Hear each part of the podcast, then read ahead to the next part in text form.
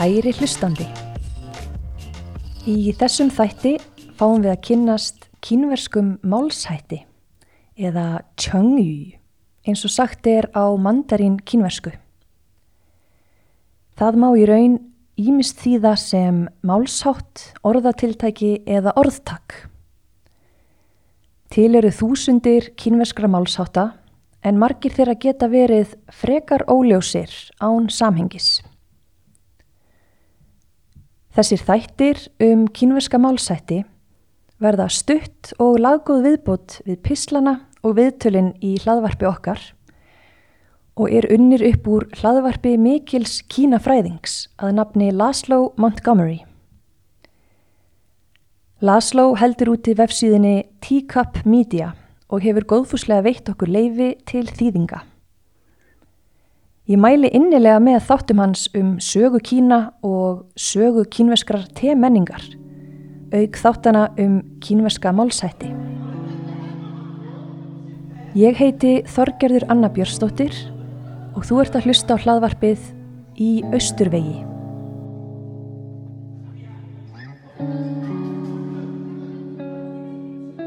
Öll tungumál eiga sína málshætti og orða tiltæki. Eins og flestir eflust þekkja eiga þau oft rætur sínar að rekja til ákveðina atburða eða frásagna. Hinn kínversku tjöngju eru ekki alltaf en þó næstum því alltaf mynduð úr fjórum kínverskum táknum. Í kínverska tungumálinu samsvarar eitt tákn einu atkvæði.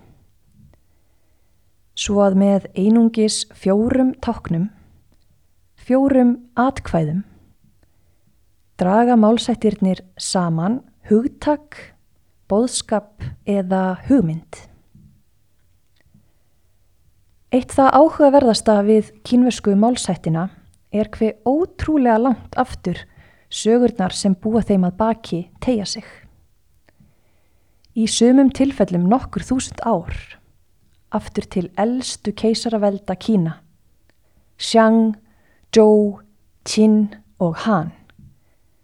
Þegar hinn er miklu kínversku spekingar eins og hertogin af Zhou, Lao Tzu, Confucius og Zhuangzi voru uppi. Í gegnum söguna, sérstaklega meðal eldrafolks, hefur fólk kunnað máltækin, jafnvel síðan úr æsku.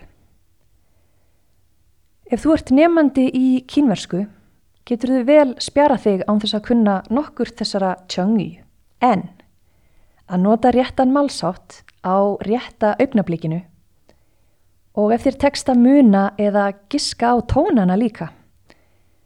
Það getur virkilega brotið ísin í partíi með kínverjum.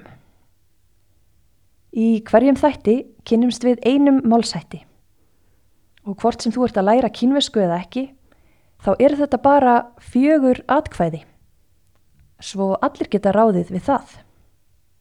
Og fyrir þau ykkar sem tala reybrennandi kínvesku og þekkja jafnvel málsættina, getur verið gaman að heyra sögurnar á bakvið þá. Köfum nú ofan í þennan forna fjarsjóð og skoðum fyrsta málsættin. Þessi er ekki mjög algengur í daglegu tali en er gott skólabókar dæmi um hvernig þessir kínvesku málsættir og orðatiltæki virka. Einir og sér geta þeir litið út sem merkingarlausar eða frekar undarlegar setningar. En þegar þú veist söguna á bakvið, smellur allt saman. Gua tien Xia. Skoðum þessi fjögur tákn nánar. Gua þýðir melóna. Tien merkir akur. Svo gua tien er melónu akur. Lý er tákn sem getur þýtt nokkra mismunandi hluti. Það er til dæmis táknið fyrir hið mjög algenga ættarnafn Lý sem var ættarnafn Bruce Lee. En lí þýðir líka plóma og það er merkingin sem hér á við. Nánar tiltekið plómu 3. Sjá, síðasta táknið, þýðir undir eða niður. Svo ef þú lest táknin öll saman færðu út Gua tien li xia. Melónu akur undir plómu tré. Hmm, það hlýtur að vera saga á bakvið þennan frasa. Já, að sjálfsögðu býr eitthvað að baki. Sagan á bakvið melónu akurinn undir plómu tré nær aftur til annarar aldar, tímabils austur hanveldisins í Kína. Klukkan var farin að tifa hjá þessu keisaraveldi sem svo leið undir lok árið 220. Þetta var við upphaf tímabilsins sem nefndi er eftir hinnum þrem konungsríkjum og var mikill átaka tími í Kína. Upprunni sögunar eru ljóði sem nefnist Söngur hefðarmannsins. Junzi Xing.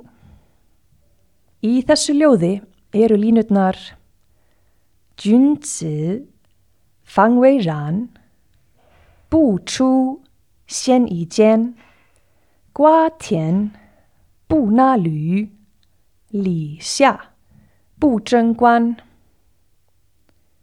Hmm, hvað þýðir nú þetta? Nú, Junzi er hefðarmadur. Fang Wei Ran til að koma í veg fyrir. Bu Chu Xian Yi Jian grunnsamlegt útlitt. Gua Tian Bu Na Lü reymar aldrei skó sína á melónu akri. Né heldur Li Xia Bújangwan lagar hann hatt sinn undir plómu tré.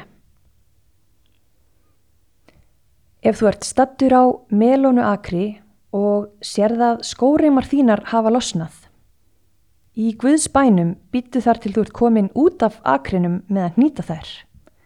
Annars gætir þau virst grunnsamlegur. Hvað er þessi að krjúpa niður? Það væri ekkert grín að fá melónu í höfuðið.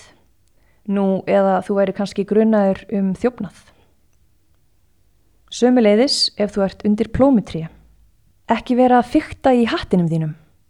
Engur gæti miskilið það handapatt úr fjarska og haldið að þú væri að stela plómum af trénu.